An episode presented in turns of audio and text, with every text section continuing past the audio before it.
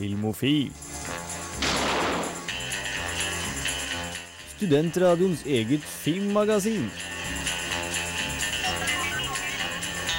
Lights ready, all set. Cameras. Ja, hallo! Velkommen! Det er torsdag, men drit i det, det er båndsending! Hvorfor er det båndsending? Jo, fordi det er rett og slett premiere av Spectre. Hvis du var dronningen, så du det på mandag.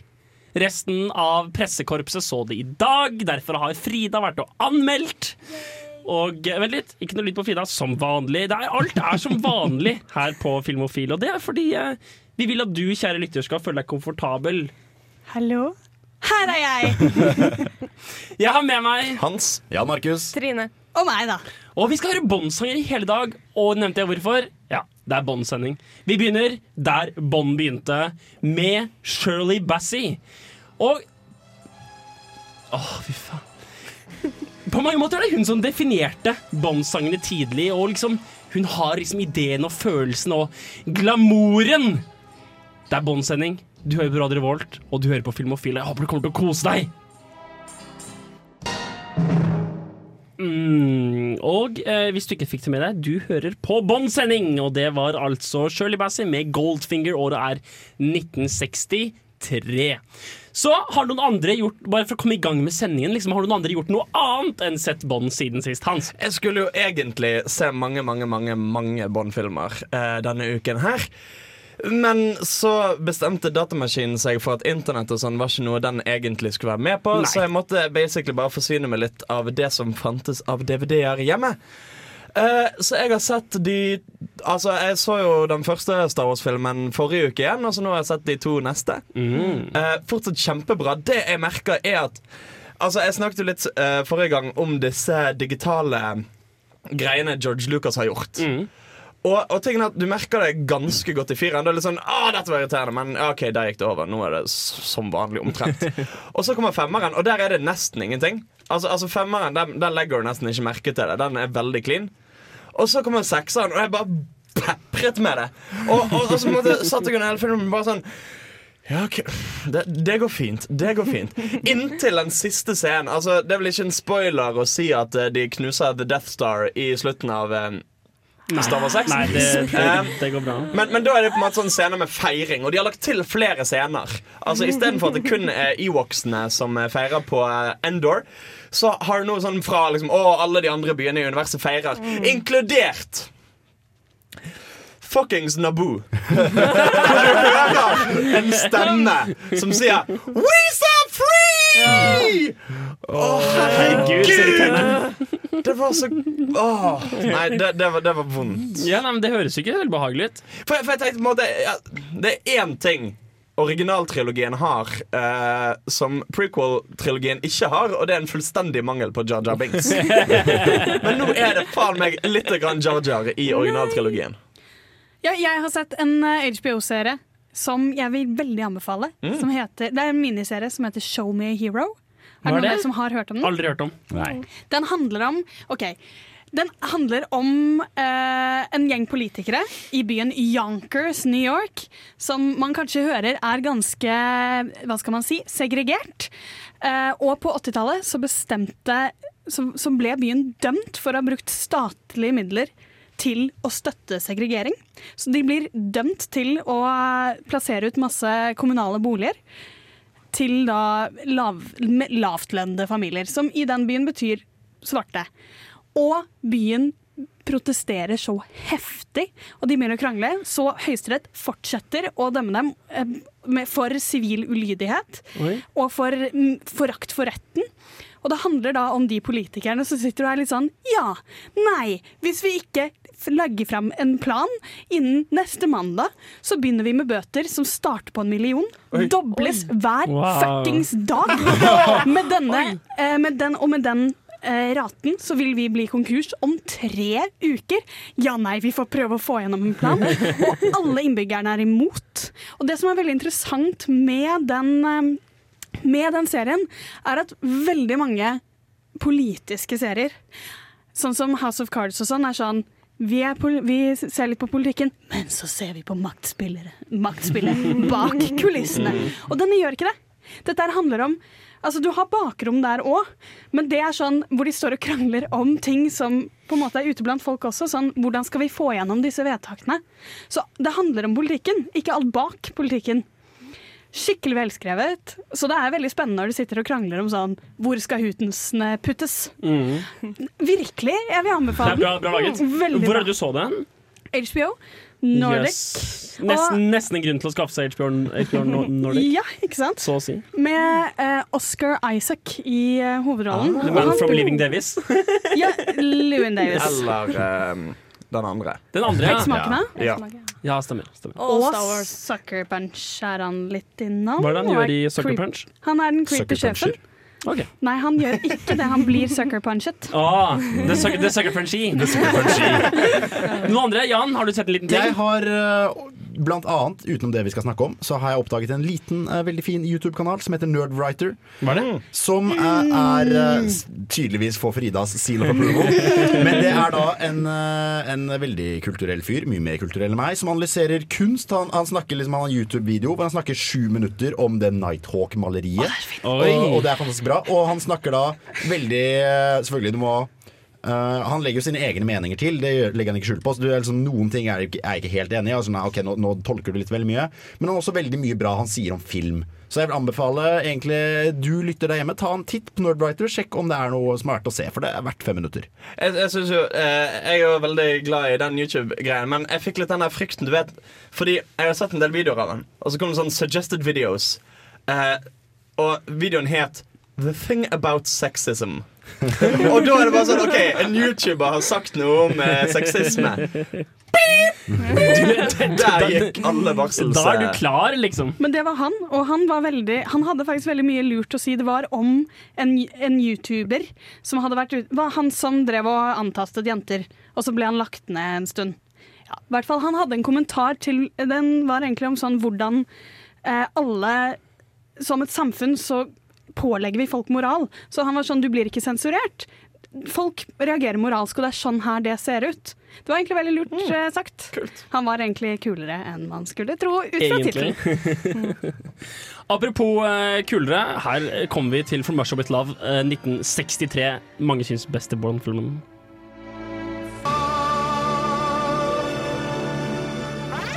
Filmofil gir deg nyhender fra filmen og fjernsynets i spanende vær. Så mens jeg da selvfølgelig egentlig bare har lyst til å snakke om Bond, så skal du få lov til å fortelle oss det absolutt mest nødvendige av ukens nyheter. Hans Ystanes, vår faste nyhetskorrespondent. Det stemmer, og vi skal begynne med YouTube. Ikke okay. Bond. Jeg hadde håpet det skulle være noen Bond-nyheter. Det skal ikke være noen Bond-nyheter. Det som er greien, er at YouTube eh, annonserte for noen dager siden at de skulle åpne en ny tjeneste som heter YouTube Red. Det høres pornografisk ut. Det høres veldig porn Du er ikke den første som har kommentert det. Ja, ikke like pornografisk som YouPorn, men OK. Nei, sant? Um, altså Det kunne vært det sosiale, sosiale medieaspektet av RedTube. RedTube U. Ja! Uh, uansett. Um, det som er greien er at YouTube Red er en betal betalingstjeneste, litt som Netflix og sånn, hvor du får se YouTube-videoer um, uten å se reklame. Du får tilgang til all musikken eh, YouTube har der, og du kan lage sånn offline-playlist og sånn. Det er basically Spotify eh, Unlimited eller Premium eller hva det heter. Yes. Um, og noen av YouTube-stjernene, liksom, stjernene, altså de liksom um, PewDiePie! PewDiePie, blant annet, skal, få, skal lage ori originale greier da, som kun kan ses hvis du er en betalende kunde hos YouTube. Det var jo bare spørsmål om tid før de monetiserte greiene der utover reklame. Mm. Men det som er greia er at det er en del YouTube-folk som er veldig engstelige for dette. For YouTube, hold, altså de som styrer eh, selskapet, holder kortene veldig tett til brystet med hvordan dette skal fungere. Fordi at eh, altså Det er jo ofte ganske små profittmarginer på disse YouTube-greiene. Og de er veldig avhengig av reklameinntekter, sånn som det er nå. Og de reklameinntektene fungerer sånn at jo mer av en video du ser, jo mer penger får de fra reklamen. Og det er den betalingsmodellen de har basert hele driften sin på. Og når nå YouTube da skal vri om på hele den greien, Så så er det en del som er engstelig for ja, men hva i helvete skjer med liksom, inntekten vår nå. For her er det folk som har, typ, sånn, lever av å lage YouTube-videoer. ja, naturlig nok. Um, og det som dess, dessuten er sagt nå, er at de skal bruke den samme med betalingsmodellen som Spotify gjør til sine skap skapere, som er en problematisk en. For det hele hele musikkulturen og businessen hater paper Pay per millionth listener som, som Spotify kjører. Poenget er at de pengene du betaler inn, går ikke til de tingene du ser. Nei, ikke sant? De går inn i en pott som Ja. fordeles Mm. prosentvis på hva alle har sett mest på. Ja. Uh, dette, dette gjør det at altså YouTube er jo kanskje et av de stedene hvor du i størst grad er sånn at hvem som helst kan komme og begynne å legge ut videoer og bygge seg opp en fanskare mm. og jobbe seg opp mot å kunne leve av det. Det vil bli mye vanskeligere med YouTube Red, nettopp fordi at um, for å overhodet tjene penger på dette, så må du allerede være stor. Eh, så det er en del som er veldig kritiske til dette, og til det at der alle nå legger ut masse masse videoer eh, gratis, men du ser reklame, så kommer det nå altså eksempel PewDiePie skal lage et slags horrorserieopplegg. eh, og det er jo flere som da antar at det kommer til å bety færre av de vanlige videoene hennes, og at det kanskje kan bli representativt for mange youtubere. At de eh, skalerer ned den vanlige driften sin for å fokusere på det de kan gjøre med YouTube Red. Fordi det som er faktum er at de store youtuberne kommer fortsatt til å tjene mye mer penger på den modellen enn Ja. de gjør nå med reklame. Ja. Eh, men dette er al Altså dette på en måte snur opp ned på veldig mye av den kulturen som er i YouTube-verdenen i dag. Hvor en vanligvis tar litt betalt via reklame. Og, og det som har skjedd i mye mye større grad nå, er jo dette med Patrion og sånne ting, hvor folk kan donere direkte. Uh, så det er problematisk. Vi får se hvordan det går. Du får én nyhet til. Nei, seriøst? Ja. Å, herregud, da må jeg finne en bra en. Uh, ja. Rihanna skal spille i en film, og det er ikke hvilken som helst film. Uh, dette er jo da sangerinnen. R&B-sangerinnen som tidligere er mest kjent i filmverden for å ha spilt i den elendige filmen Battleship. sett. Skal spille i en film som heter Valerian. Eh, det er en science fiction-film basert på en roman fra 67. Og den skal regisseres av ingen ringere enn Luc Besson. Oi! Taxi og diverse Ja, andre. sant? Han er kul, da. Fifth Element og så videre. Han er kul. Eh, så det er en del som er sånn ja, ja, kan, Kanskje. Det kan være noe. Det, men det kan være noe. Fordi altså, skulle jeg si det, altså, altså Med liksom en dyktig regissør og godt grunnarbeid, så er det på en måte jeg tenker litt sånn Hvor dårlig kan egentlig Rihanna få det til å bli? That's the spirit! Nei, jeg har troen. Er det noen andre Er er det noen ensetningsnyheter du føler at vi vil Ensetningsnyhet. Ja, det skal jeg fikse, vet du. Det er ikke så verdt å ta det kort hvis vi må vente Kan jeg få et pling? Vent litt. Der. Takk skal du ha. Um, vi skulle egentlig prøve å få se Matthew McConaughey som skurken i Guardians of the Galaxy 2. Men Det skjer ikke. Han okay. takket nei, noe som har fått fans til å spekulere i kanskje han skal lage noe annet stort som gjør at han takker nei til en sånn rolle. kanskje Interstellar 2. The, inter, the Interstellar stellar, Stellaring. The Interstellist. Det, det, ja, greit. la, oss, eh, la oss si det, og gi oss mens leken er god. Hør nå. Hør nå. Og. You Only Live Twice. Nancy Sinatra synger eh, til denne nydelige Bond-sangen fra 1967. Snart er det anmeldelse av Babadook. Du hører på Filmofil.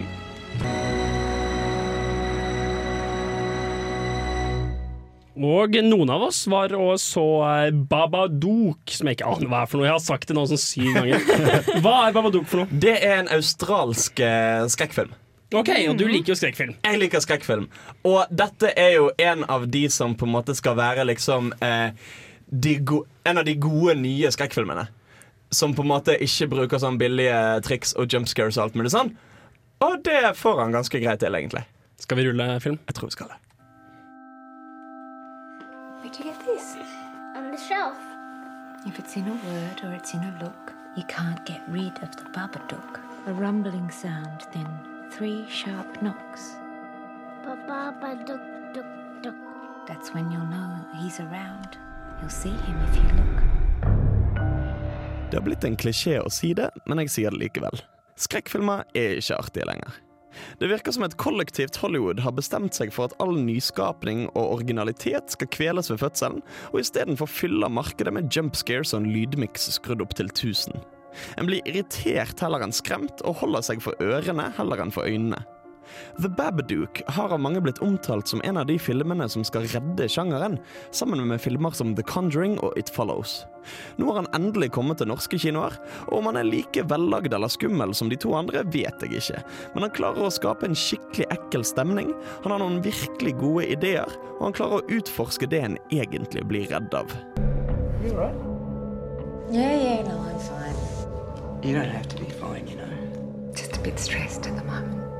All children see monsters. Not like this. The Babadook handler om alenemoren Emilie, som ikke klarer å holde styr på sin syv år gamle sønn Samuel. Han blir kastet ut av skolen, drømmer om monstrene er overbevist om at eksisterer i virkeligheten, og lager våpen av ting i huset for å bekjempe disse.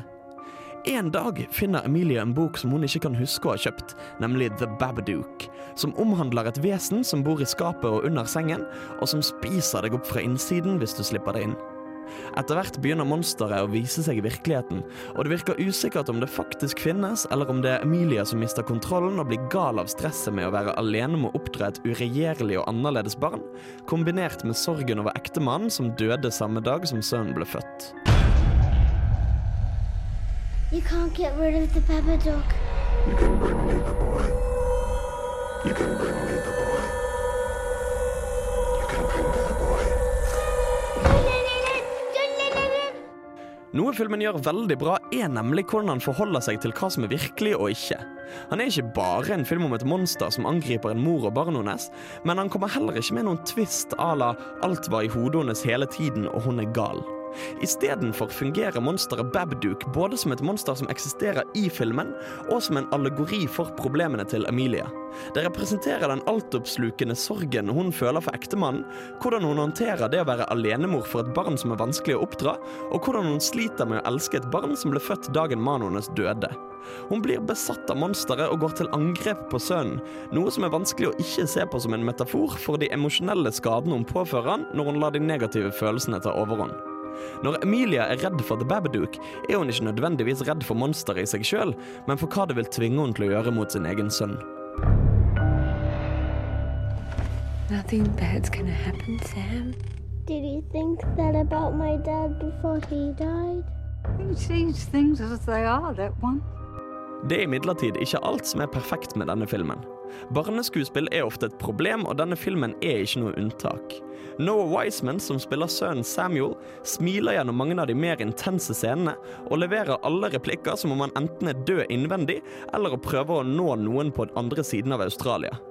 Dessuten virker det tidvis som de prøver å helgardere seg med mer tradisjonelle, moderne skrekkfilmgrep. Når de få jumpscaresene filmen har, kommer, føles det mer som en skuffelse enn som et høydepunkt. Som om den stemningen de har brukt en time på å bygge opp, forsvinner i en prematur ejakulasjon.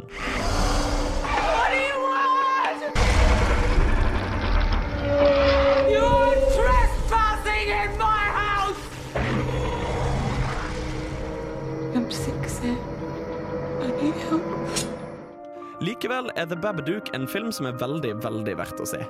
Han er langt ifra fri for klisjeer, men har en kul historie og en fantastisk balanse mellom tekst og subtekst. Det er veldig få jumpscares, og lydklippingen fungerer dødsbra. Personlig syns jeg The Conjuring er en skumlere og mer vellaget skrekkfilm, og It Follows i mye større grad er et friskt pust. Men The Babadook er kanskje den skrekkfilmen i nyere tid som har villet mest, og som best har forstått hva en kan gjøre med formatet utover å skremme.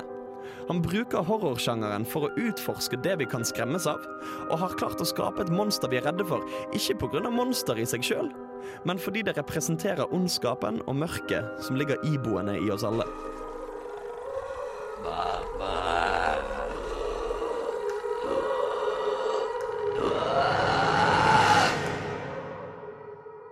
Det var jævlig skummel slutt. ja, men altså, jeg hater jo, jeg hater jo um, skrekkfilmer, men dette hørtes jo da passende nok skummelt ut. Ja, altså Det jeg vil påstå er um, Jeg sleit ikke med å sove etter jeg hadde sett denne. Men pleier du å slite med jo oss? aldri. Nei, men- du nei, bare men- lyver når du sier det. Nei, nei, po po poenget er at på en måte al Altså det jeg, Det hender at jeg har sett en skummel film, og så ligger jeg og skal sove, og så tenker jeg jo jo, jeg vet jo at spøkelser ikke fins, men Eh, og så, så, li- og så ser Oi, det var litt sånn noe som kan se ut som en person inni det mørke hjørnet. Mhm. Og du begynner å tenke sånne ting. Um, greien med The Babadook er at um, det fungerer så Det fungerer så allegorisk med måten det bruker monsteret på, at jeg sitter ikke og tenker at denne prøver å denne prøver å gjøre meg redd for dette monsteret i den grad at jeg skal være redd for at det kommer etter meg i virkeligheten når jeg er på vei hjem fra kinosalen. Um, det er mer det at den brukes for å fortelle en historie for å på en måte bli et bilde på følelsene som ligger bak, på forholdet mellom mor og sønn og alt det der. Så det er mer egentlig en drama scenesatt av en skrekkfilm? Ja. Kind of, for det er jo det er en, det er en skrekkfilm, men mer enn en skrekkfilm. Jeg si, det er en ubehagelig film. Ja, fordi du så også denne, Jan. Ja, jeg og Hans og Trine så den i en mørk mørk kjellerstue. Og så selvfølgelig midt i filmen da, så la jeg en hånd på skulderen til Trine. Og hun Det var, det var ikke på skulderen, det var på hodet. Jeg har hatt vondt i hodet resten av filmen. Det er, det er ikke snilt. Men det er en ekstremt ubehagelig film. for du Og- og gøy, da. Ja, veldig gøy. Uh, og fordi du sitter der liksom Du ser på en måte reaksjonen til alle menneskene, og du skjønner hvorfor de er og gjør sånn som de gjør. Men likevel så er det ekstremt ekkelt, og, sånn, og det henger seg fast inni deg.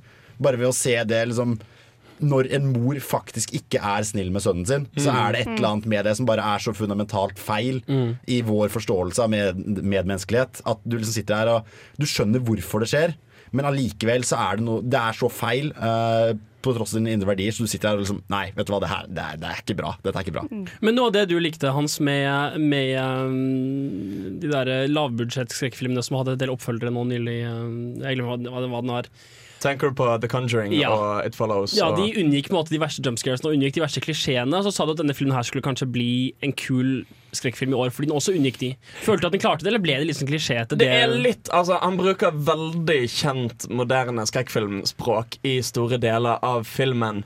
Men, men han, han gjør det på en, på en smartere måte, og på en litt sånn Altså det, det, altså Du har for eksempel The Conjuring. da Den har jump scares Den har ganske mange jump scares men de, altså, de blir brukt riktig. Eh, det blir på en måte Du får de der klimaksene som på en måte bare fortsetter å komme.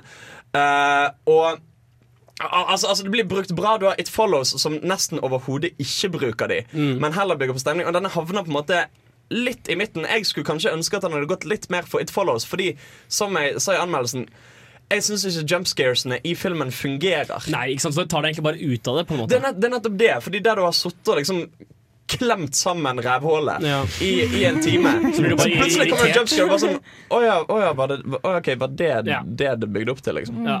Men all in all, for folk som ikke er eh, skrekkfilmsnobber og som ikke er så opptatt av kvalitet, så er det en film å gå på. Veldig, veldig verdt å se. Ja. Vi har eh, klart å finne frem en uoriginal versjon av Diamonds Are Forever. Bare fordi denne Arctic Monkey-versjonen fanger så godt. Og det er begrenset hvor mye Shirley Bassett du kan ha på en gang. 1971, Diamonds Are Forever. Diamonds are forever.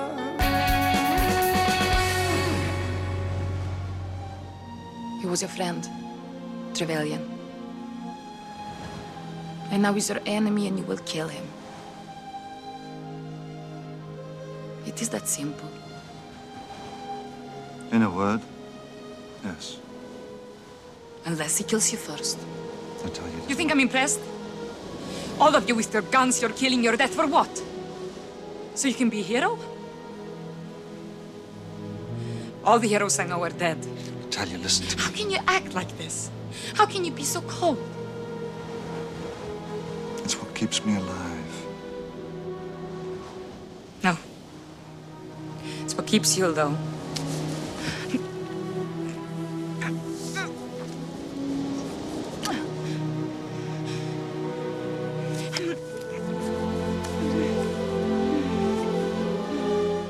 Og der er vi i gang.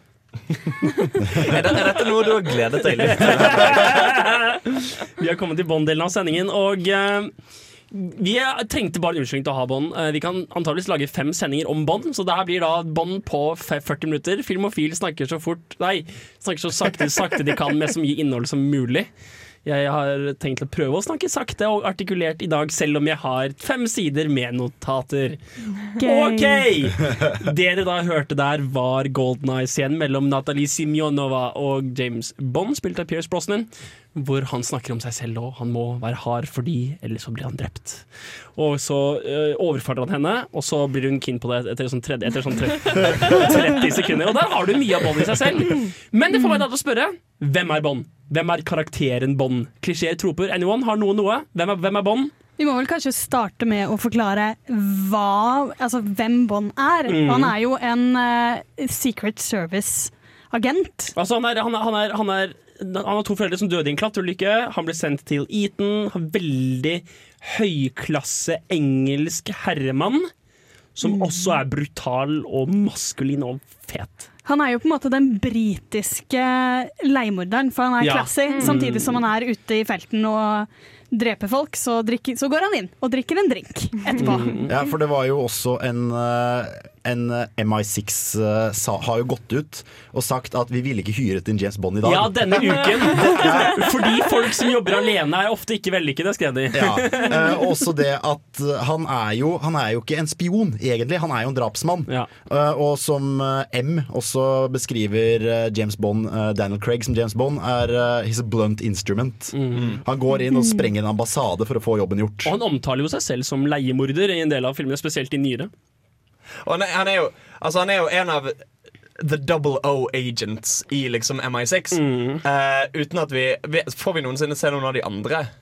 Ja, vi møter 006. Vi gjør det. Ja. Alex Trevillian, eller hva han heter. Ja, okay. Eh, vi møter Vi hører om eh, Skal ikke spoile Spekteret. Men, men i hvert fall, dette, nei, ikke, ikke gjør det. dette er jo de som per sin arbeidsinstruks har liksom license to kill. Ja. de har lov nice Ok, det nevner jeg. Jeg har uh, hørt mye Bond-låter denne, denne uka her. Uh, altså, det, jeg tenker at Bond er Han er en superhelt. Okay? Han er, han er maskulinmannen. Han er superidealet. Han er the superhero of male indulgence. Han er liksom hedonismens mester. Han er kjekk, han er brutal, han er en morder. Han er selvstendig. Han han får alle damene. han får alle damene. Han er opprørsk mot, uh, mot sjefene sine bare av prinsipp. Sånn you don't fucking tell me what to do, liksom. Han er ikke antihelt heller. Det virker som antihelt i en moderne, ny type film som ikke hadde vært en franchise. Hadde han vært en antihelt Men i disse filmene så bare Ja, nei, han er bare best. altså det, det er jo litt sånn Altså Bare i den første filmen, tidlig i Dr. No, Mm. så, så, så sier de til han sånn Å, du bruker den gamle drittpistolen. Se her, her har vi en ny til deg. Den er mye bedre. Ja, ja. Denne skal du bruke. Han er, ja, OK, greit. Og så går det to minutter, og så er det Så pælmer han henne. Leave, leave the gun eller, Leave the gun Bond. Og da har han prøvd å stjele med seg sin gamle, sin gamle gunner. Det skal jo sies at uh, James Bond er jo en karakter skrevet av Ian Fleming, som, Mm. som var mye litt sånn hemmelig agent Ja. Mm. under uh, andre verdenskrig, og litt sånn rundt om Og litt den drikke drinker. Og Definitivt. ut Og han var, en, han var en damenes Jens, han også. Det var han. Altså, forskjellen er på en måte at uh, Ian Fleming, som da skrev disse bøkene rundt denne perioden før, altså han skrev den i slutten av 50-tallet og opp mot, uh, han var stasjonært i London. Han satt i et stort sånn der, eh, sjefsmøterom hele krigen. Han fikk aldri gjort noe særlig spionting. Så på mange måter er James Bond Ian Fleming sitt alter ego det James og det Ian Fleming håpet at han kunne vært hvis han fikk lov til å være ute. Forfatterens dagdrøm, rett og slett. Så Ian- Fleming har definitivt bakgrunn fra britisk eh,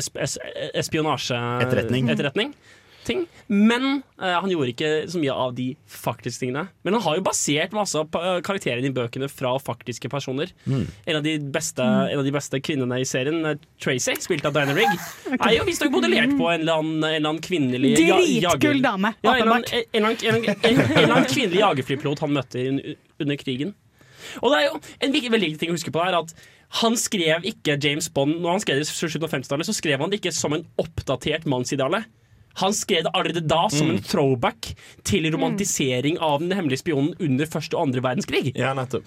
Så det er liksom ikke, vi, vi kommer til å komme inn på det etterpå. Det kommer til å være en underliggende greie gjennom hele sendingen hvor mange ting som egentlig er alltid galt med Bond. Men poenget er at selv når Ian Fleming skrev det, så var det ikke intendert som nåtidens ideale. Ja, som, som i det klippet vi nettopp spilte, Ja. hvor de kliner, og det er liksom først overgrep, men så blir hun så med på det. Ja, ja. For han er så mann! Han er Altså, fy fader! Og det er på en måte Det er litt sånn underliggende ubehagelig alltid, men han er så classy. Så man blir sånn Jo, men i James Bond sin verden så er det sånn det fungerer. James Bond har lov til å gjøre sånn. Ja. Ingen andre i hele verden men James Bond kan. Vi skal eh, ta og høre eh, den veldig passende låten akkurat nå. Jeg hoppet den frem i lista, den er egentlig kronologisk etter. Men ingenting er vel bedre enn Hurley Carly Simon synge 'Nobody Does It Better' fra 1973. Miss uh, Trench. Sylvia Trench. I admire your luck, Mr. Bond. James Bond. Good morning. My name's Bond. James Bond. My name's Bond.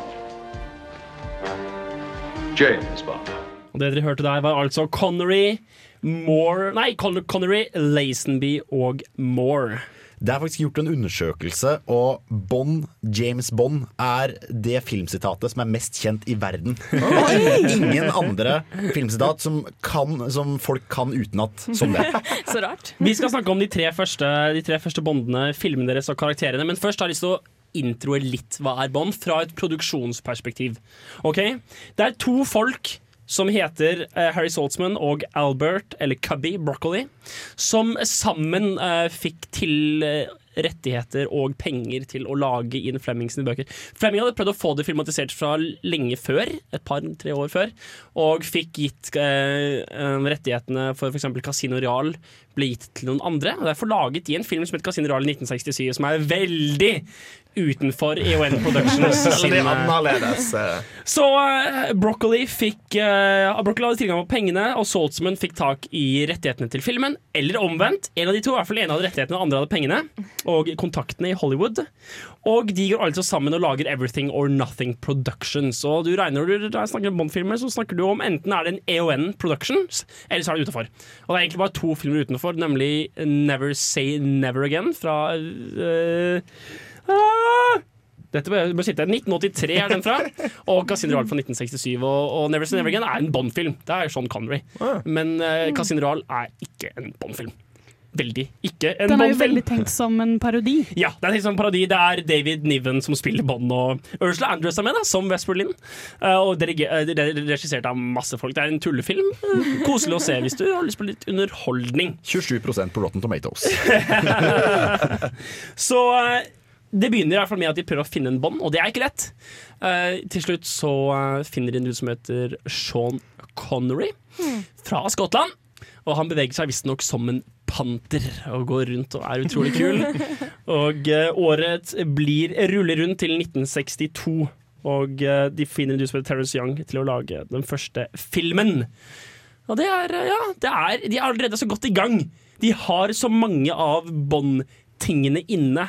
De har en bad guy, de har, Dr. No. Han er en del av en stor konglomerat bad guy-gruppe, Spectre. Dr. No behandler Bond med veldig høflighet. Han kommer inn og blir tatt vel imot. Det er så mange av disse utrolige klisjeene som vi kjenner igjen, som er fra begynnelsen av første filmen, så sitter det.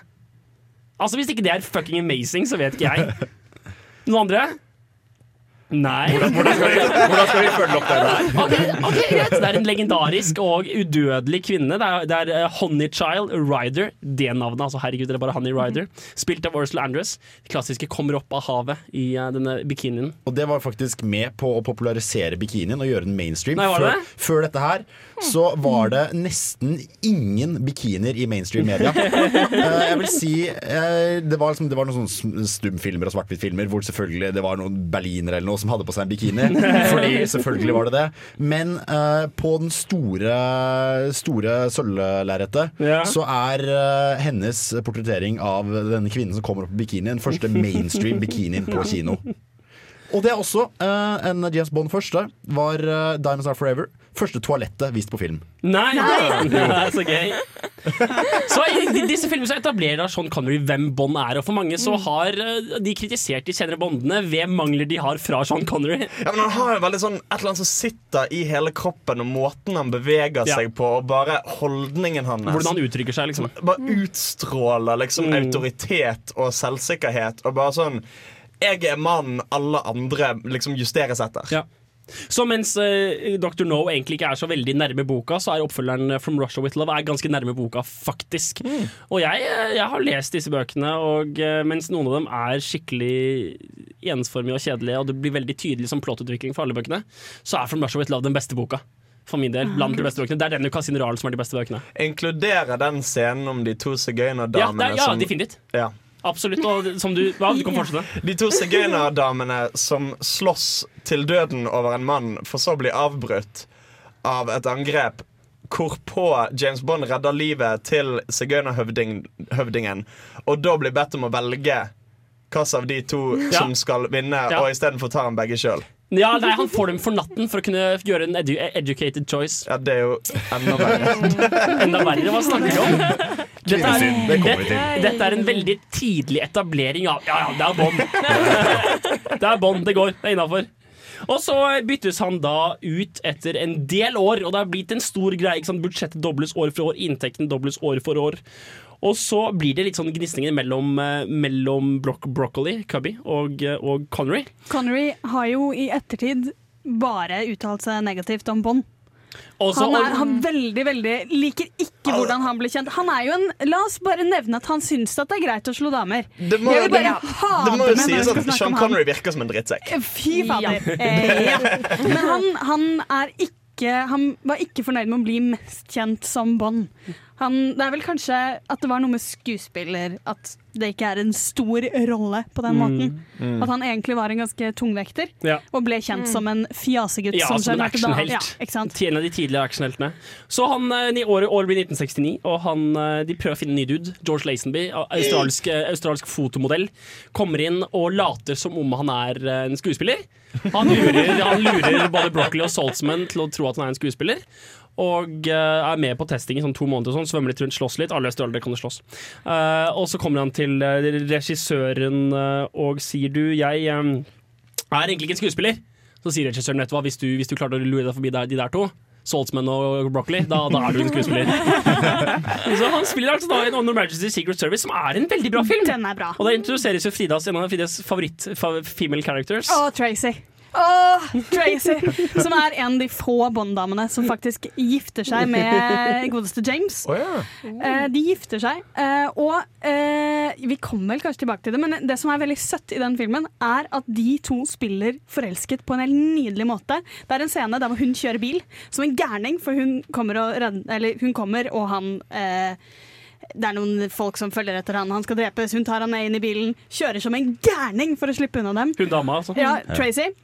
Og han snur seg og sender henne det mest kjærlighetsladede blikket. Og så gir han henne et kyss på kinnet. Og det, bare, det er så ladet med Her har to gærninger funnet hverandre. Fuck yeah! Og så, eh, altså, den filmen eh, den, gjør det ikke sånn, sånn kjempebra, egentlig. Eh, ganske, de, omtrent halvparten av inntekten av filmen før. Eh, så de tenker at vet, vet du hva, fuck dette, vi tar tilbake Connery. så han kommer tilbake i en alder av 54 år eller noe og spiller i eh, Diamonds Are Forever. Det skal jo sies at uh, Lazenby hadde jo ikke lyst til å være med Nei. videre for agent... Eller det er litt diskutert i ettertid hvorfor han sa nei, men mange mener at agenten hans mente at eh, spionfilmer det var bare å drepe karrieren sin, så han satset heller på hippiefilmer. Og gikk Drepte karrieren sin. Det er jo, det er jo til tilfelle av at han sa at det var, det, var, det var for mye publicity, og det var ikke han overhodet. Så Connery spiller én film, han er 54, det går for så vidt greit, egentlig. Det er en grei film, og så finner de en ny dude, og det er Roger Moore. Roger Moore eh, feier da egentlig inn, eh, inn eh, 80-tallet, og spiller i egentlig blant de mest filmene i Bond-universet. Og det er en veldig annen type filmer. Veldig sterk kontrast til uh, de første filmene. Og det er en sånn greie som vi kjenner igjen, annet fra Holk Film Critic, som vi har lest en del av siste uka. Jeg har lest en del av. Og det er det med at hver film er en, gjerne en reaksjon til filmen før. Og Roger Moore sin Bond er veldig tydelig. Han skal ikke spille Sean Connery. Mhm. Så han er litt mer camp, han er litt mer leken. Han tar ingenting så veldig seriøst. Han dreper ikke så veldig mange folk. Han er mer litt sånn dasse rundt og koser seg og leker kul og Oi, det gikk visst bra, jeg overlevde visst der også. Det er sikkert derfor det funker, for hvis du skal gjøre akkurat det samme som den som har spilt Bond før deg, skal gjøre det, så kan du ikke spille på samme måte. Spesielt når det er så ikonisk som Ja. Connery. Det kan jo ikke følges. Og det ser du jo i så mange andre ting òg. Altså for eksempel nå i moderne tid med Heath Ledger når han gjorde The Mm. Joker i Mm. eh, The Dark Knight. Og det nå skal komme en annen film med den karakteren i. hvor Jared Leto gjør karakteren så annerledes. Fordi du kan ikke prøve å gjøre det samme. Uh, og det var jo det for så vidt eh, Heath Ledger gjorde, for å slippe å bli sånn som godeste Jack, Jack Nicholson. Nicholson. Mm. Uh, men uh, det, jeg må bare si Roger Moore er jo på en måte 80-tallet har jo sivet inn i bånn. Det er jo 80-tallets tanke tilbake på gamle misogonistiske bånd. Ja. Fordi det er, det er akkurat den tullegreia. Det er på en Mm. måte De tar inn at nå må det nesten være parodi. Mm. Og jeg må bare si, Det er jo den bånd faktisk jeg har vokst opp med. Er det? Ja, for da, av en eller annen grunn så er det de filmene jeg så på TV. De der tullete, tullete, tullete tingene. Men liksom I'll throw you to the shark. Det var for så vidt Og blant de dårligste filmene også. Ja, ja, ja. Definitivt. For eksempel, vi ga jo, Siste uke ga vi jo Live and Let Die som hjemlekse. Og, og, og, og det er jo veldig god hjemlekse, for det er veldig god innblikk i hva den perioden var. Men herregud, den filmen er ille! Altså Ikke bare er den dårlig, men den ble laget på en periode hvor Blaxploitation var en greie. Så alle bad guysene er sorte. Og de er liksom blant the big terror network of black people. Og det var helt horribelt hvor, hvor rasistisk og jævlig den, den, eh, den filmen er. Det er iallfall ikke blackface, da. Det er hvert fall ikke i, I den godeste On Her Majesty Secret Service så har de en del der hvor du har masse eh, damer fra overalt i hele verden som skal spise their food, altså mat fra deres sted av verden. Ja. Og da har de en eh, svart jente som spiser bananer! Ja! Spot on! Oi, eh, Nei, jeg, skal, jeg tenkte bare jeg skulle si at altså, I Dr. No så har du jo to kinesiske karakterer som spilles av hvite. Eh, Blant annet James Bond, som har litt, litt videre øyne i den, i den filmen. nei, men, nei, men altså, du har hun fotografdamen. Eh, ja, ganske tidlig i filmen Mm. Og selve skurken Dr. No, som mm. skal være Eller halvkinesisk, men Ja. likevel. Mm. Spilles av fullstendig hvite mennesker. Ja, nei, det er, det er ikke greit. I, ikke i eh, den der neste filmen, 'From Russia With Love', Mhm. så har du en meksikansk skuespiller som spiller tyrker. Ja, og det var jo han, eh, han eh, sigøynerhøvdingen som spilte Det er jo spilt av en veldig, uh, veldig kjent meksikansk skuespiller som døde før filmen kom ut. Så han, han, han hadde veldig alvorlig kreft og ble De brukte stand-in på masse av scenene, for han kunne ikke stå lenge nok til å være gjennom hele scenen. Ja, Frida, hva er det du gjør? Du må snakke hvis du ber om å snakke. Vi tenkte vi skulle gå videre. Skal vi høre på en låt? Ja. Skal vi høre på Livet Let Die når vi først snakket om den? Dere får Paul McCartney and The Wings. Året er 1973, og du får Live and Let Die.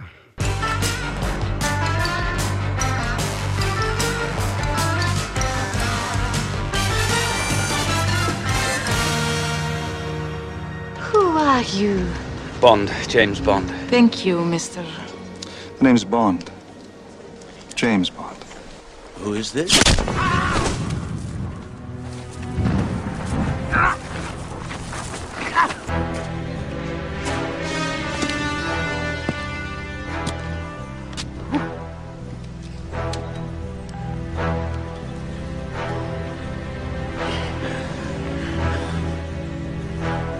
The name's Bond. James Bond. Mm. Altså En ting er komedisk timing, en annen ting er James Bond-timing. James Bond-timing er en ting. Jeg sa feil i sted. Der siste Connery-filmen han spilte for AON, var, var han 40. Han var 52 tolv år siden han kom tilbake for å spille Never Say Never Again. Og han lagde den med Kevin McKilroy. Og tingen med Kevin McKilroy er at han fikk eh, litt sånne rettigheter også, til, eh, til, eh, fordi han jobbet sammen med Ian Fleming på Thunderball-screenplayet. Og så Han og en annen dude og Ian Fleming skrev det Thunderball-greiene sammen. Og så stakk de fordi de ble uenige, og så skrev Ian Fleming Thunderball til en bok. Og når den skulle filmatisere, så kom Kevin McIlroy og sa det jeg eier dette her også. så det Broccoli og Saltzman gjorde, var at de sa OK, men bli med oss. Fordi du, det, er, det er faen ikke greit at du lager den utenfor EON. Vi vil ha vårt barn kontroll over det. Kevin McIlroy blir med å lage Thunderball, og det blir den mest eh, vellykkede, vellykkede filmen eh, noensinne eh, frem til da. Og uh, det får jo Kevin McIlroy til å tenke at ja, vet du hva, dette, dette er noe jeg kan. Så tolv år senere så klarer han å få til seg Conray, som nå er kjempesur på EON-folka. Og de lager en film. Da er Conray 52. I hvert fall. Uh, Roger Moore lager filmer kjempelenge. Og uh, han var jo da gammel, for gammel på et tidspunkt. Og så tenkte de på litt forskjellige folk. Hvem skal vi prøve nå? Uh, vi kan tenke, vi kan ta Pierce Brosnan. De tenkte egentlig masse forskjellige folk. Og så bestemte de seg for Pierce Brosnan. Og så viste det seg at Brosnan egentlig var bundet i sin gamle TV-serie, som ble renewa på dagen det var for sent å, for sent å renew den. Og så fant de Timothy Dalton, som da er med i et par filmer. Han er med i The Living Daylights 1987 og License to Kill 1989. Filmer som ja Forglemmelige?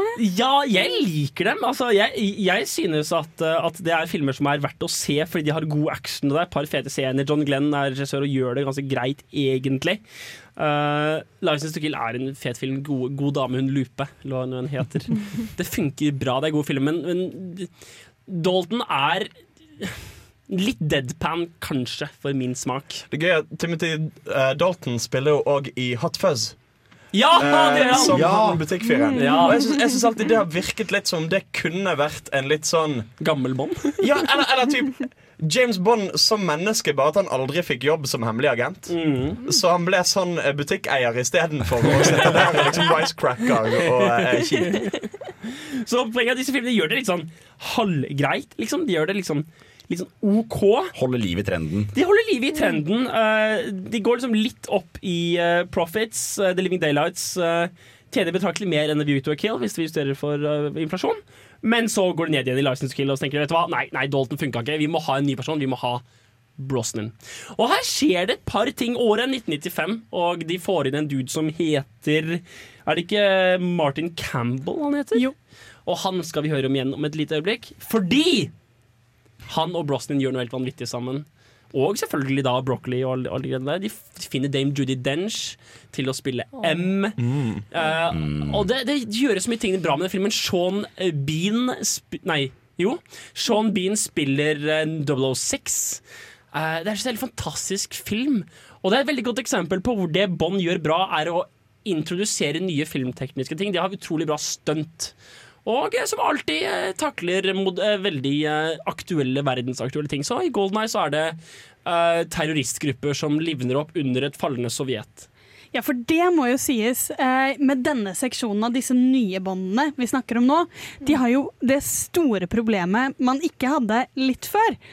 Liker jeg å tenke. Back in bad guy gamle- Nei, ikke sant? Fordi, fordi de har ikke den kalde krigen sånn Ja ja, men russerne eh, Fuck russerne. Altså, de kan på en måte ikke De har ikke et sånn verdensbilde de så lett kan dra på. Så det blir med en gang liksom vondere når de dreper folk. Så får du sånn hvor man er sånn, ja, hvorfor skulle du drepe han henchman nummer fem?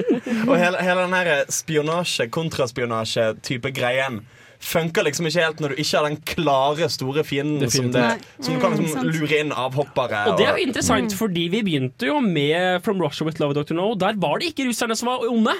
Så Bond-serien begynte før det var greit å onde russere. Og fortsatte etter at det var greit å ha onde russere. Men de hadde på en måte et litt degradert Altså rasisme florerte litt mer, som vi kanskje Jo nevnte Jo før. da, jo da, det, det er vanskelig å unngå. Og det er på en måte uh, Men uh, dette kommer vi til å komme tilbake til. Men nå har de gjort noe veldig godt med det i Spekter, kan Ja. vi si. Så har de på en måte taklet akkurat det at Mm. vi sliter litt med å ha folket å drepe. Og det, dette her er et problem for intelligensen også. Det er på en måte, De klarer å gjøre det. Ja, etterretningen, ja. Ikke intelligensen. Så i tillegg til Martin Campbell som en stjerneregissør og Pierce Brosnan som en ny og i min mening veldig god, god skuespiller, så får vi med liksom Famke Jansen, som jeg ikke ble kjent egentlig fra, Ja. fra X-Men, som spiller Xenia Onatop. Og det er bare en fantastisk serie. Det var, Kjempebra navn. takk. Og eh, det, det var Golden Eyes. Ja, ja. Jeg, Golden Eye er min film. Jeg vokste opp med Golden Eye. Eh, det blir også da til eh, verdens beste eh, Nintendo Nintendo-spill. 64-spill. Og, eh, og så, så er det noen flere Brosnan-filmer, men det, det, det Og de, vi kan jo på en måte Altså, si Brosnan var alltid et problem Ja, vet, du, i der, de der er vi uenige. Ja, men jeg synes, Han er eklest. Han er bånd på sitt ekleste. Hvordan da? Mest- Han mest rapey? Ha, ja, mest rapey. Og der, i Hvilken film var det de har? For den husker jeg at jeg så på kino. Den hvor Moneypenny Ja, det er Moneypenny. Ja. LM har en dagdrøm om å ligge med bånd. Ja, det er, eh, det er den med laseren, satellittlaseren. Eh, Die er- Another Day. Hvor de har en sånn der eh, simuleringsbriller. Ja, så hun tar det på. Hvor hun da simulerer at hun ligger med bånd. Og der må jeg bare si jeg så den filmen på kino. Jeg husker å ha sett den filmen på kino. Og jeg husker at jeg tenkte fy faen! Dette er ikke greit! Men altså, altså, jeg er den første til å være enig i at det fins en del misogyni og sånn i James Bond, og det skal vi jo komme tilbake til. Men Vi må slutte å si det kommer vi tilbake til. Moneypenny og James Bond har jo hatt en flørt lenge. Nøyaktig! Og det er derfor hun ikke kan artikulere sin flørt på den måten. At hun skal De to alltid vært likeverdige. Selv da James Bond gikk rundt og slappa damer for å liksom slappe dem ned i senga for å så pule dem. Da var han og Moneypenny likeverdige. Hun har alltid vært den som kunne lure han til å gjøre det de ville ha han til å gjøre. Og det er derfor det å ta henne, og så la henne liksom sitte og runke til bånd, blir en måte å bare pisse på det at hun Altså, hun gjør det ikke på de gjør det ikke på en likeverdig måte. Da blir hun sånn lengtende Jane Austen som bare Mm. sitter støver Mm. ned inne på kontoret. Og det er noe med det. Den seksuelle spenningen har alltid vært der, og den har alltid vært litt uuttalt. Alle ser det. Men de på en måte leker med hverandre, og der tar de fra henne muligheten til å leke med. Og jeg, da jeg var seks år? Det, det, hørtes, det hørtes klippet ut, måten du sa det på. Men det, jeg har et veldig passende klipp her. What would I ever do without you? As far as I can remember, James, you've never had me. Hope springs eternal. You know, this sort of behavior could qualify as sexual harassment. Really? What's the penalty for that? Someday you have to make good on your innuendos. Så det er en grunn til at jeg fant fram det klippet fra akkurat det du snakker om. Det er Pierce Brosnan som Bond, og eh, hva er heter det? Eve Moneypenny spilles av eh, Åh, Min yndlingsmoney Penny. Hun er nydelig. Spesielt i den kjolen i den scenen der. Mm. Og der lever jeg opp til mannssjåvinisme-imaget. Takk til meg. Det er egentlig min rolle i denne sendingen her.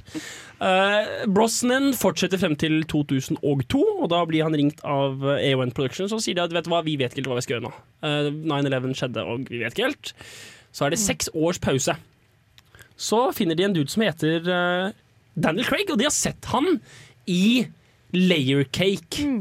Og tenker at vet du hva, han der Han der, han der har, er suav. Han der har gravitas. Han der går som en panter. Men nå skal det jo sies at folk var jo også veldig skeptiske da han tok over. Oh, ja, ja, det var var ja. kjempeaktive sosiale grupper Fordi som skulle hindre han var jo han var blond, Han var blond, eh, blond, først blond. og fremst. Han var blond. Og han så eh, folk mente han så mer ut som en skurk enn han så ut som James Bond. Ja, det er helt sant. Han ser akkurat ut som Grant i, eh, i eh, From Russia With Love. Han ser akkurat ut som Grant. Grant ser ut som han. Han, han, han er blond og har blå øyne. Og er høy og muskuløs og er veldig sånn broody. Og de er jo en senior From Russia With Love der de snakker sammen, og er, begge er liksom båndete. Og så var det vel, eh, så vidt jeg kan huske, noen som allerede da begynte å snakke om at han var jo ikke direkte ung eh, da. Altså Han er vel, han begynner vel å bli oppe i 50-årene nå. Eh, Hvem snakker du om? Daniel Craig. Hæ? Han er gammel. Nei. Jo. Er han så gammel? Jeg tror han er 54. Jesus! Jeg trodde han nettopp var 40. Nei, jeg tror jeg ingenting Er du sikker på det? Ja, nei, vet du, hva, Jeg det må er nesten sjekkes. sikker på Det må han- sjekkes. Han skal sjekkes er i god voksen alder. Um, This will not stand, altså. Han er 47 er han nå. OK, så jeg tok ganske feil. Du tok veldig feil. faktisk. Ok. Han var 37 når de begynte, da, ish. Så, Ja, nei, ok, greit. Jeg trekker tilbake Men poenget ditt er jo at han er, han er forholdsvis gammel, men han holder seg veldig godt. Ja, ja. Og det er jo den Hugh Jackman-greia med å være utrolig ripped år etter år, bli mer og mer ripped. Men, men det er jo på en måte Det er litt den greien, føler jeg, med at Altså, altså James Bond er jo en rolle en blir i, på en måte, Ja, ja. Og, og, og har en del filmer på rad. Og det skal, altså, altså Da får de på en måte den problemstillingen hvor James Bond skal jo være, åpenbart være en voksen og erfaren mann. Men samtidig kan han ikke bli for gammel heller. Nei, altså uh, Bond har jo definert en greie med at man blir bare eldre og vakrere. på en måte Litt litt den Clooney Brad Pitt-greia. Men du må også kunne tro på at han er faktisk en feltagent. Og hvis han begynner å være grå på håret og lut i ryggen, så tror du ikke på at han liksom tar heier Altså, altså, Roger Moore er bitte litt rund runde A View to Kill. Han, lø han løper ut der litt sånn Orker du å hoppe opp der, ja? Ja, det, det er Roger Moore. Det er jo ikke, det er jo ikke The Born uh, Complexion, eller hva det Nei, heter. det, og, og det er et veldig godt poeng. Og det er en veldig god overgang også, faktisk, fordi eh, Martin Campbell kommer da tilbake for å lage Casino Royal, Mm. som er blant de beste bøkene og blant de beste filmene. Og det spilles, og det er fantastisk bra. Mads Mikkelsen spiller regi, Eva Green spiller Westbird Linn. Det er, jeg tilbake på Spectre som bad guy bak. Der får de jo inn også altså Der begynner de å hente inn så gode skuespillere. Ja. Og de skjønner det at vi trenger å gå litt i oss selv. Fordi Brosnetton tok av på slutten, og ingen kjøper det lenger. En Mm. usynlig bil er ikke lov. Og det som skjedde. Og det som skjedde var Casino Royal er da på en måte en reboot. Det er Mm. første filmen på 27 år som er basert på en bok. Det første siden Thunderball. Og liksom, de liksom gjør sånn, sånn innsats for at dette skal være en mesterfilm. De får inn han der cinematografen Roger Deakins. Ja, på, på Nei, Skyfall. Skyfall stemmer. Skyfall. Det er senere igjen på Skyfall. De gjør i hvert fall en veldig vanvittig innsats. Og så kommer Quantum of Solace, som egentlig bare er en litt forlengelse av litt veldig dårlig forlengelse av Cassandra Og der, der tok de han jo litt for langt, hele den her alvorlige bånd. Alt skal være så mørkt og Veldig seriøst. Bourne-aktig og veldig Ja, sånn der, eneste lang biljaktmentalitet. Og også veldig svekket av at akkurat da så var det forfatterstreik, så de begynte å filme filmen før de hadde et manus. Ja, ja, ja fordi Daniel, det, de, var, det var visstnok bare Daniel Craig og, regissør, og regissøren eh, Hva heter han? um, Mark Forster, som skrev De to bare skrev den, egentlig. Og det, det merker du også, for du, du merker at de begynte å filme actionscenene før de hadde noen måte å linke det sammen på. Så Mm. det er liksom sånn, filmen starter med en biljakt som egentlig ikke bringer noen ting til filmen. Det er bare biljakt for biljaktens skyld. Og der, der så du òg at uh, Altså Tilbake til dette med at alle Bond-filmer er en reaksjon på tidligere ting. Så ser du òg det veldig i Skyfall. Det med at de der prøver å vende litt tilbake med Oi! Det ble litt vel blodseriøst, Ja. alt dette sammen. Nå prøver vi å gå litt mer tilbake til tradisjonsbånd. Så Skyfall blir laget i 2012. Det er Daniel Craig, det er Sam Mendes som eh, lager den. Hvor kjenner vi Sam Sam Mendes fra? American Beauty. American Beauty, blant annet. Helt Altså, der får de jo inn en skikkelig tungvekter av en regissør Ja. som kan sette seg ned og bruke det uh, Daniel Craig har, som er at han uten å Uten å på en måte ha mye om følelsene sine, så ser han så skadet ut. Mm. Og det var jo noe de innførte med eh, Casino Royal, som eh, en venninne av meg sa på en dansk filmskole. Hun sa at eh, når du skader ballene til bånd, da vet du at noe er forandret. Fordi han blir skadet ordentlig. Mm. Og det er akkurat det de tok tak i. Sånn, vi blir jo ikke redd hvis vi ser på han og tenker ja, men herregud, Det der- ordner seg. Du, du lander på en trampoline, dette vet jeg jo. Og derfor tok de tak i Daniel Craig og bare lot han skades skikkelig, sånn at man blir sånn ah, Nei, ikke løp, ikke løp der, du kommer til å falle ned, jeg lover. Og det var en fantastisk casting på skurken. Javier Bardem. Oh, ja. Som spiller hva heter Silvio et eller annet. Oh, Berlusconi. Ja, la oss bare si Ikke- ikke Silvio så stor Berlusconi. skurk. Og vi får da Roger Deakins til å spille, til å, til å spille cinematograf. Og det, så det ser du, for det er et par sånne der, er- bare ill- illeopplyste scener, og det var Hele nydelig. filmen kunne jo vært skrivebordsbakgrunn. Ja. Du kan stoppe den Ja. på hvilket som helst øyeblikk og bare nyte det. Okay, jeg må ærlig si at jeg ga opp på bånd. Og så Når, når da? Uh, ganske lenge siden, egentlig. Jeg, mm. jeg ga opp på Quentin og så tenkte jeg jeg ser ikke Skyfall. Mm. Satte jeg meg ned i går, så Skyfall, og jeg bare Jeg vil se Spekter nå. Ja. ja. Men det, da har vi egentlig dekket Vil du ha en liten ting til? Ja, Jan? det er jo også uh, for uh, for å bare avslutte dette her, så er jo Skyfall uh, er jo en ekstremt bra film med mange tungvektere, Mm. mange bra cinematografiske skuespillere. Og den uh, heldigvis ble da tatt godt imot og tjente absolutt alle pengene. Tjente alle pengene, Den tjente over 1,1 milliarder dollar. Og det interessante er at hvis du ser på franchiser som har tjent mest i hele verden, så, har, eh, så er det jo faktisk um, uh, Bond-serien er på tredjeplass med totalt seks milliarder for eh, Everything or Nothing Productions-filmene. Med Marvel, Marvel Cinematic på 9 milliarder og Harry Potter på 7,7. Men hvis du justerer Bond for inflasjon til 2005, så er Bond på 11 milliarder, med mest inntjent av alle. Eh, Godt å vite. Hvilket ikke betyr så mye, men når man leser veldig mye om Bond, så blir det veldig tydelig at uh, det går an å se på det fra et produksjonsperspektiv. Og altså, Hvis du ikke har hørt den låta her før, så må du høre etter nå. Dette er View to a Kill, Duran Duran, 1985. Vi kan ikke forlate Roger Morris-perioden helt ennå. Ja. You know, James, I just want you to know that if all there was left of you was your smile and your little finger, you'd still be more of a man than anyone I've ever met.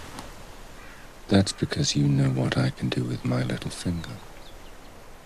I have no idea. But you're aching to find out. You're not going to let me in there, are you? You've got your armor back on. That's then. I have no armor left.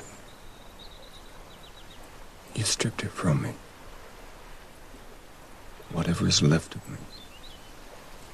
Whatever is left of me. Whatever I am. I'm yours.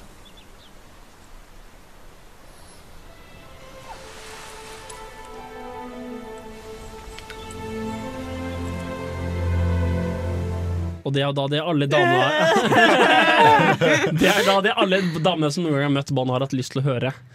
Og vi kommer jo inn på det, Frida. Eh, damer og Bond. Eh, Holk snakker jo om at eh, om at uh, La meg først lampshade bitte litt her. Vi har nå gått gjennom veldig mye fakta. Jeg, hadde lyst til å bare dekke alle filmene, dekke alle epokene litt sånn generelt sett.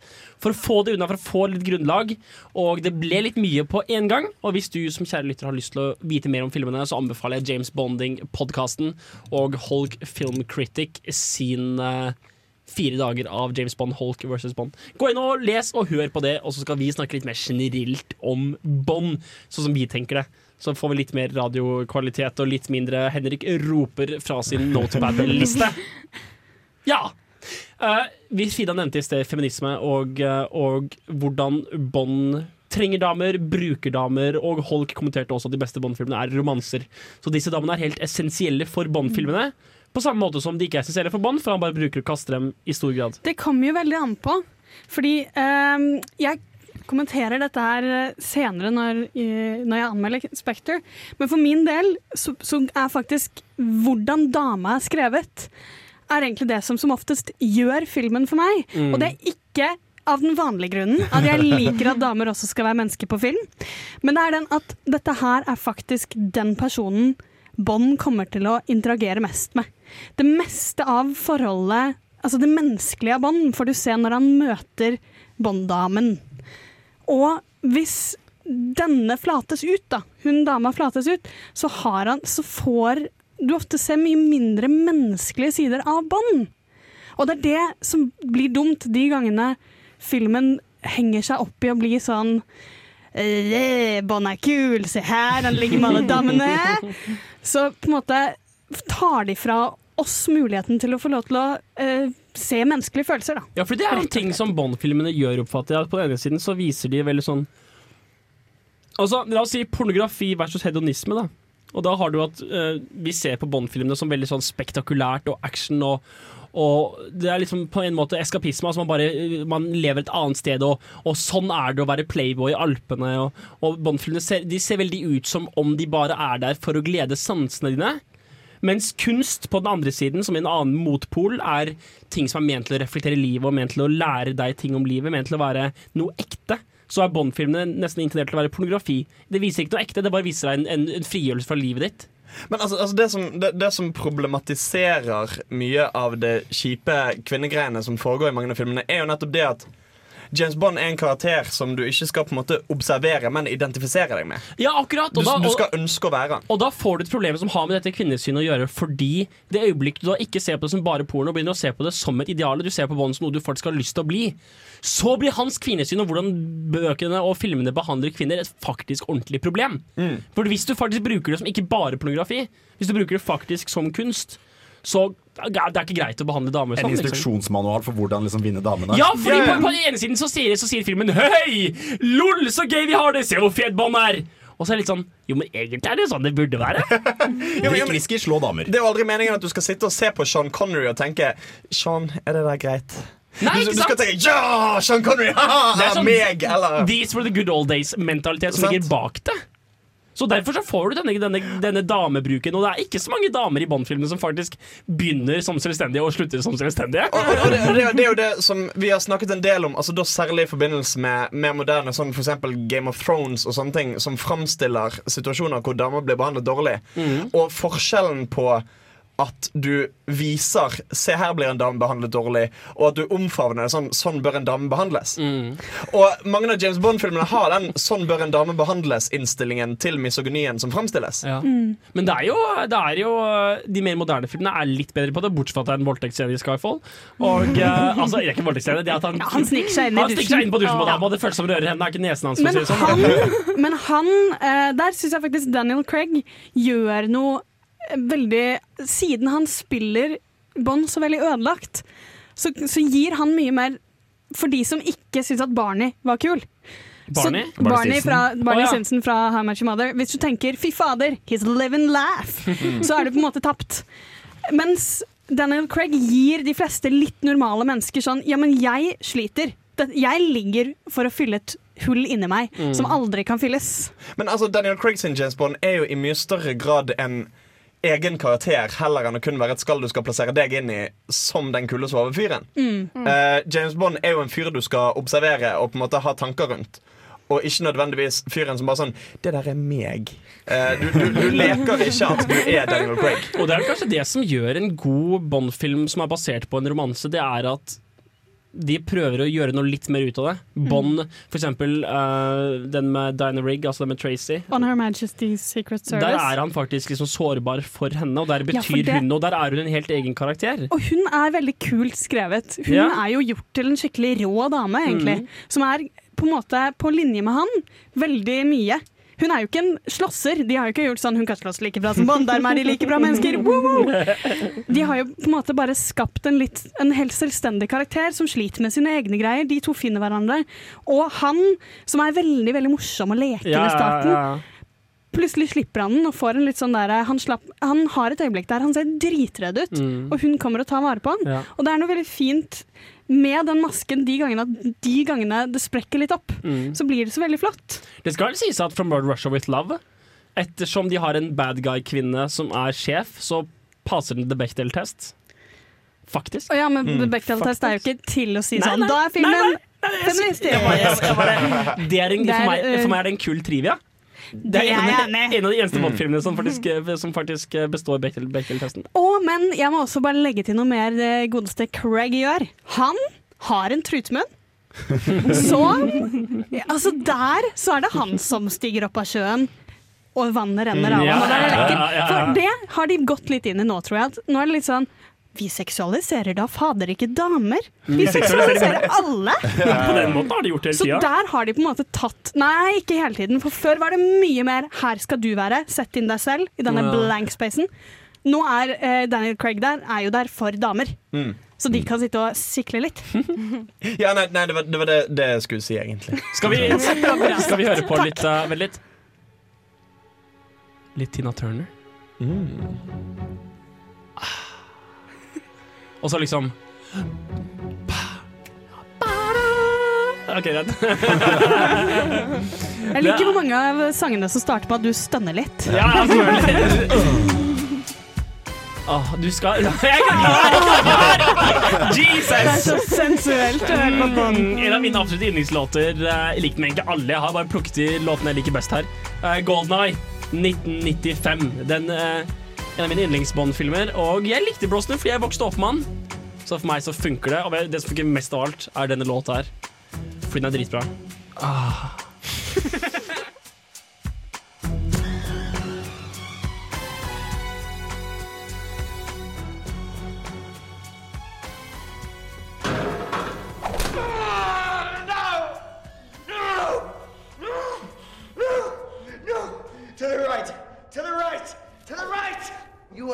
funny man, Mr. Bond.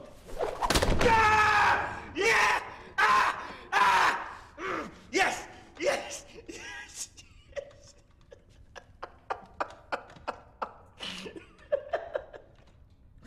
now the whole world's gonna know that you died scratching my.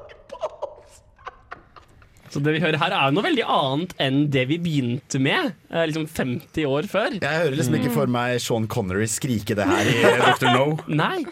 Så hvorfor har bånd holdt? Altså, altså, det er jo litt det Al altså, altså Det forandrer seg til tidene, men det er fortsatt en sånn kjerne som blir altså fordi Selv om Sean Connery aldri ville sagt det her, så har du fortsatt litt den samme at her har du James Bond som får selve symbolet på sin maskulinitet angrepet med en sånn svært tau med et eller annet hardt på tuppen. Eh, og så likevel sitter han der og ler og gjør en vits ut av det, og på en måte holder ut. Så det er jo en sånn kjernemaskulinitet som sitter i karakteren. Altså Han fortsetter Fortsatt. som, han fortsetter som Supermann-mannen, liksom. Jeg, jeg, jeg kommer til å sammenligne det sammen med Doctor Who. Ja. Hvorfor det har fungert. Fordi du endrer skuespillere, du endrer tema, men i, som han sier, i kjernen så ligger mer eller mindre det samme. En alkoholisert uh, morder. Ja. Som publikum. Ja, men, ja, men du har jo, ja, men du har jo flere, flere kjerneaspekter ved James Bond som har holdt, men vinklingen en har tatt på det, har endret seg. Altså For det du, Frida, sa om det at du ser at James Bond bærer med seg tingene han har gått gjennom. Han er åpenbart en skadd og traumatisert fyr. Selv om han er en del av han er den samme. Det er bare det at den vinklingen på det er kommet nå, der en på 60-tallet tenkte Pss, det blå, går han av seg. Altså, Vi må se James Bond slite med at han er en morder, for at vi skal kunne være sånn Yeah, du er en helt! Fordi vi har mye mer den typen kritikk sånn Altså, Samme med krigsfilmer. Du må på en måte slite med at du dreper. For hvis ikke så Mhm. klarer vi ikke å for idealisere. Det har blitt introdusert, og samtidig som uh, Trine sier, det er ingen stor forandring i karakteren. Og det er et godt, godt poeng, fordi det er vel det vi som publikum setter veldig pris på. At vi vet hvem han er. Han er den samme bånd. Er hver gang Kramer kommer brasende inn i Seinfeld. Da bare oh, Kramer, haha, han er sånn idiot. Og det, er, og det er samme greia med Bånd. Vi forventer å se Bånd, og vi elsker han for han Bånd er. Og så har du også den eh, Dan Brown-greia som slo meg så mye i dag. At han er på eksotiske steder. Det er litt sånn 'se meg slåss på Det sant. Eiffeltårnet'. Det James Bond tar det med verden rundt. Og det, er og det er så gøy. Det kan på en måte oppdateres og bli litt sånn morsomt her. Her står vi på ski. Slå hverandre på ski med Ja, ski. og, og, og litt på samme måte som et nyhetskanal aldri kommer til å gå tom for ting å håndtere, så kommer ikke Bond til å gå tom for ting å håndtere, fordi den, den reflekterer eh, aktuelle ting, og den reflekterer verden og hva som er kult i den tiden. Altså, altså bare hele konseptet, det med at du har en hemmelig agent i hemmelig etterretningstjeneste. Det vil jo, En vil ikke gå tom for ideer å vinkle det til. Altså Nei. Der du på 60-tallet hadde sånn spionasje under andre verdenskrig, der du nå begynner å ha mye mer sånn eh, overvåkning mm. og lekking av dokumenter, terrorisme versus Ja. all den greien. Det er på en måte Det, det er et um, det er et premiss som lar seg forme til veldig mange eh, tids, dagsaktuelle Mm. eh, ting. Og det at det er så anvendelig og så på en måte um, som leire, da, du kan gjøre det til absolutt hva du vil. Det må jo være noe av grunnen til at det holder så godt. Pluss selvfølgelig at de bruker vanvittig mye penger på. Ja, ja, det er jo en franchise uten like. Og, men det som, er, eh, det som er greia her, er jo også at folk har jo vokst opp med dette. Folk siden det kom ut i 62, Mm. og fylte jo 50-årsjubileum i 2012 med Skyfall. Mm. Eh, og så det er jo mange mange generasjoner tilbake. Alle som lever omtrent, eh, har jo sett en Bond-film. Og er da også litt nysgjerrig på hva gjør de denne gangen? Ja. Hva er det James Bond snubler utfor nå? Ja, ja. Og eventuelt når det kommer en ny Bond, hva er det som er forskjellig med denne Bond? Klarer denne Bond å leve opp til forventningene? Klarer denne Bond å være Bond nok? Og så er man alltid litt keen på å høre Åh, den siste Å, jeg faen! Den siste, den siste Bond-låta. Og dette er en av de kuleste som er. Det er Chris Cordell med You Know My Name fra Casino Royal. James Bond, allow me to introduce myself. I am Ernst Stavro Blofeld. They told me you were assassinated in Hong Kong. Yes, this is my second life. You only live twice, Mr. Bond. Oh, I said the name of the movie! Roll credits. Uh, ok, Vi nærmer oss litt sånn slutten av, uh, slutten av sendinga. Vi skal snaks, straks snaks, snakke om Spektre, som har premiere i morgen. Først, først la oss ta en kjapp liten sånn recap. Yndlingsting i film, folk. Ikke noe annet, enn Jan. Fordi jeg skal si filmen du har tenkt å si. Ja. jeg, eh, Yndlingsfilmen min må være 'Quantum of Solace'. Fordi det var eh, litt vendepunkt meg. Jeg er jo glad i filmer som tar det takken ned og gjør det litt mer realistisk. Skal du prøve å ta tittelen på filmen en gang til, Jan Markus? Nei, ikke Quantum of Solace. Uh, jeg mener uh, Casino Royal. jeg trodde faktisk hvis du skulle si det for å være hyggelig mot meg. Nei, nei, For å hyggelig mot meg. Casino Royale. Fordi der er, det, der er de veldig bevisst på at nå gjør vi en litt sånn gritty gjenoppvåkning av Bond. Eh, som jeg vil si eksemplifiseres med når han er veldig frustrert og skal til å stabbe en motherfucker med kniv. Og bartenderen spør uh, Vil du ha på, liksom på vei forbi med denne biffkniven Så spør bartenderen Vil du ha en martini, uh, shaken or stirred Og sier I don't give a damn Nei, nei, Does it look like I give a damn, sier han. Ja, ok. Men i hvert fall Mm. Altså, jeg må, jeg må kanskje si at altså, min Altså, altså nå, det, Dette bærer jo preg av at typ sånn ehm, Det er de nye filmene jeg har liksom i størst grad vokst opp med, og det er de som er lagd mest i den stilen til filmer jeg ellers liker. Men jeg vil, jeg vil kanskje si Skyfall, ikke nødvendigvis fordi det er favorittfilmen min, men fordi jeg syns den, den gjør mye kult i forbindelse med hvordan de på en måte prøver å kombinere den nye Bond-estetikken med den gamle. Mm. Eh, hvordan ja. de for eksempel De får inn en ny Q som på en måte er en ny Q, og da får de en ny sånn dynamikk. Med liksom hele det at Heller enn at det har vært en litt sånn gammel ærverdig professortype som gir gadgets, så er det en ung jypling. Er det han din, din, din yndling, Trine? Nei, nei Nye musik, musikken. Musikken, ja. Det er sånn selve themesongen til. Sånn, dun, dun, dun, dun. Når det, det der begynner, så blir jeg sånn Veldig klassisk Bond-greie, det er musikken. Og det er også veldig klassisk Bond-greie å inkorporere musikken i soundtracket gjennom hele filmen. Frida, yndlingsting, kommer du på noe i farta? Ja, eh, jeg vil gjerne gå litt tilbake og bare si eh, Jill Masterson når hun ligger på senga død, dekket i gull. For det er så tullete. I, i Goldfinger. Ja, i Goldfinger. Når hun blir drept, og så blir hun malt gull for å mobbe Bond. Ja. Og det er liksom, Du ser for deg at de tok seg tid til det. Jeg bare, det er så planning av tullete og grusomt samtidig. Så jeg syns det er helt nydelig. Det er, jeg skal, jeg, jeg, nå, da jeg ikke lenger har Casino Royale å si, og vi har snakket om ganske mye av de tingene jeg liker, så har jeg lyst til å komme med litt info. 219 folk har spilt bånd i lydbøker, bøker, internett, shortfilms, movies, stuntmenn osv. 378 har blitt dre- dre- drept av bånd personlig. Over 1000 har dødd sånn bare ops. Og, eh, og, Sånn skjer. Ja, for det er en greie i Bond-filmene at vi ingen bryr seg om collateral damage. Ingen på noe tidspunkt annet enn M som er litt sur på han. Så skjer det ingenting annet enn det. Det er jo det som er så gøy i Austin Powers når de, når de parodierer det med folk som dør, og så kryssklipper de til familien. Eh, som sitter der og venter på at han skal komme hjem fra jobb.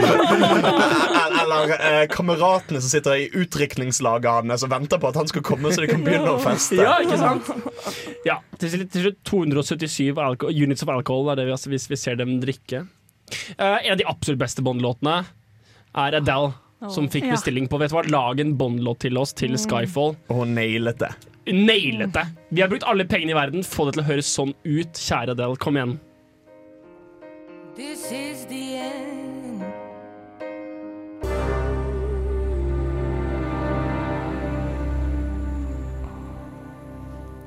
Et nydelig stykke musikk. Mm. Frida, skal vi høre eh, din, eh, din, din Spektron-anmeldelse? Ja! Det skal vi.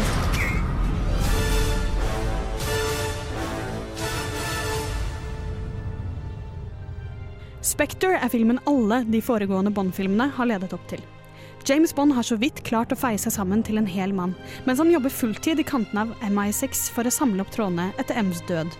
Samtidig foregår en politisk dragkamp mellom det gamle Double O-programmet og den moderne etterretningstjenesten, som truer med å avvikle fotsoldatene.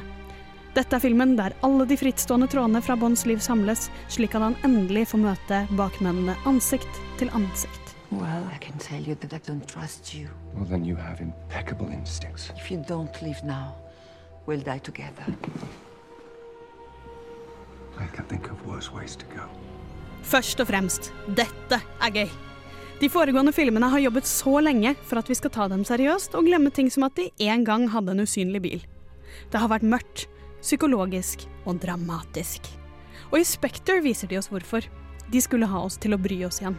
Vi vet at Daniel Craig er en Bond som kan skades, så når han henger ut av et helikopter, er jeg faktisk redd for om han faller ned. Og samtidig viser de oss at gritty aldri var poenget, for i Spekter tar de tilbake humoren. Og de gjør det med en flott timing, for morsomhetene kommer som oftest der det passer dårligst, eller er minst ventet. Dermed får vi underholdende actionsekvenser som etterlater deg med nedbitte negler. What's going on, James? There's not one person at MI6 who isn't talking about it. Talking about what, exactly? That what you did in Mexico was one step too far. That you're finished. What do you think? I think you're just getting started. Daniel Craig gjør fortsatt en strålende bånd. Hans James er traumatisert og kynisk, men samtidig classy og sjarmerende. Det er helt klart at Craig gir en dramatisk dybde, og at dette er en av grunnene til at Bond-filmene føles relevant igjen. Og gjennom sin seksualiserte væremåte blir ikke filmen bare sikling på pene damer og heiing på tøffe menn. Her objektifiserer vi alle. You don't know what you're doing. Not personal. It's the future. And you're not. You're a cocky little bastard, aren't you? I'll take that as a compliment. I wouldn't. Et av de største ankepunktene mine med filmen er Bonds forhold til Lea Sedous karakter Madeleine Swann. Siden Bond-dama vanligvis er den nest største rollen etter Bond selv, og den man ser han interagerer mest med, vil som oftest kvaliteten på henne bestemme mye av kvaliteten på filmen, etter min mening. Forholdet mellom Bond og Swan kan best beskrives som tenåringsaktig. etter et døgn med krangling lander de begge på at dette egentlig er ekte kjærlighet. Og uten noe videre oppbygning bruker de resten av filmen på å kjempe for å få hverandre. I have a question. What's that? Why, given every other possible option, does a man choose the life of a paid assassin? Well, it was that or the priesthood. Men det virket så lovende. Lenge så det ut som filmen faktisk skulle vise et forhold som fullt ut var basert på at begge var plagede mennesker, som trengte noen mer enn hverandre. Og på topp av det at det er naturlig å utvikle et intenst forhold i en intenst traumatiserende situasjon. Men nei da, det var visst ekte kjærlighet. So, James, why did you come? I came here to kill you. And I thought you came here to die. Well, it's all a matter of perspective. Hvis du liker Bond, dra og se Spekter. Den har alt det gode en klassisk Bond-film har. Spennende action, pene folk, spektakulære kulisser og onde skurker. Og hvis du ikke liker Bond, dra og se Spekter. Blir du ikke overbevist av denne, så blir du det nok aldri. You're obviously crazy, Mr. Bond. James. Bond. Å, det var så gøy! Ja, fy fy faen. fader, dere. Dere må glede dere. Den her, jo, men det er helt seriøst, fordi de har bygget seg sånn opp til at vi skal sitte og være redde, og så tuller de igjen. Det er helt utrolig. Sånn, det, det er et par ganger der hvor de har helt sånn tegneserieaktig eh, tullball. Men jeg er så stressa, så jeg lo sånn Og det er jo, den fanger veldig godt den barnslige gleden som de beste filmene gjør bra, hvor jeg sitter og liksom klapper i hendene og, og ier av glede. ikke sant? Men jeg tror også det er noe med at jeg tror pendelen har begynt å svinge litt igjen. Vi har På slutten av 90-tallet, starten av 2000, så fikk vi en veldig sånn gritty, veldig sånn ned eh, tone ned. Veldig Born Supremacy og de der. Mm. Uh, men nå har vi begynt å svinge over igjen og få liksom spionfilmer uh, uh, av Guy Ritchie og The Mm. Kingsman, hvor folk dør av dage og Godt hodet poeng. eksploderer. Og det er, liksom, det er ikke noe mer enn det. Og Det kanskje- er bare gøy. Uh, Guardians of the Galaxy var jo en film som Mm. viste at en storfilm trenger ikke være gritty. Den kan være bare moro og fjas. Mm. Og det ble så morsomt, så nå tar de liksom tilbake humoren. Og det er veldig, veldig deilig. Og så er det jo en del bakenforliggende ting som gjør det her veldig bra. Sam Mendes lager en fantastisk film. Selv om Mm. Roger Dickens ikke er med, så er det en utrolig vakker film. De bruker dybde. Utrolig godt De har folk som er i forskjellige dybde fra kamera, og med forskjellig fokus. Og det brukes utrolig pent. Fargepalettene markerer veldig tydelig hvor i verden du er hen. Så Det er så lett å følge med, og det er så flytende. Og de bruker så gode skuespillere. Altså Madeline Swan er fantastisk som, som uh... Hun har jo det er før spilt i blå er den varmeste fargen. Nå, har jeg, nå, har nå har jeg faktisk lyst til å se den filmen. Uh, Monica, Monica Bellucci spiller perfekt italiensk uh, enke. Og Ralph Fiennes Ralph Fiennes spiller en Oh. veldig Ralph Fiennes M. Han spiller Ralph Fiennes som M. Det er Ja. sjekket media. Mm. Han gjør de andre i scenene sine gode, men selv så stjeler han ingen scener. Og skurken. Godeste Christoph Waltz. Og han spiller Frans Oberhauser, og altså så bra. Og du bare gleder deg til, til, til han kommer inn. Og Ben Wishaw fortsetter som en veldig god Q. Han er med i filmen og gjør det godt. Og litt sånn ute i felten og er kule. Ja, og liksom, de får litt plass, de rundt Bånd. Det er ikke bare Bånd Ja. ute på eventyr. Og det er en film det, vet du hva, time, det gikk en time og 20 minutter før det falt meg inn å se på klokka. De to timer 20 går unna som ja, det, det, mm. De skifter mye, så du på en måte drar mye forskjellige steder. Og her har vi litt action. Og de er veldig gode på uh, det, Action blir rett langt, Ja. men ikke så langt at det er sånn åh.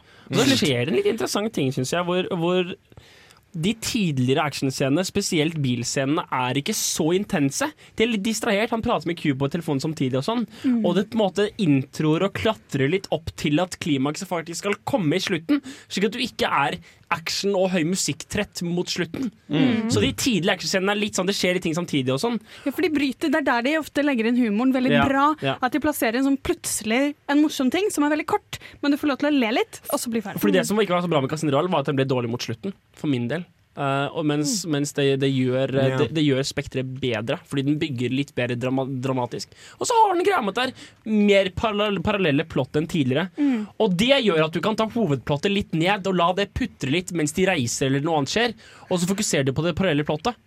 Og det at du kan ta ting frem og tilbake på stekeovnen, la, sette ting litt på, på, på bakre platen og stå der og småputte litt, gjør det til en veldig dynamisk film. Og de klarer å gjøre den ganske aktuell med at de har en sånn krangling om hvordan tar man terrorisme. Ja, og det er gjør man det ute i felten, eller gjør man det med overvåkning? Mm. Og så James Bond problematiseres litt i og med at han er der.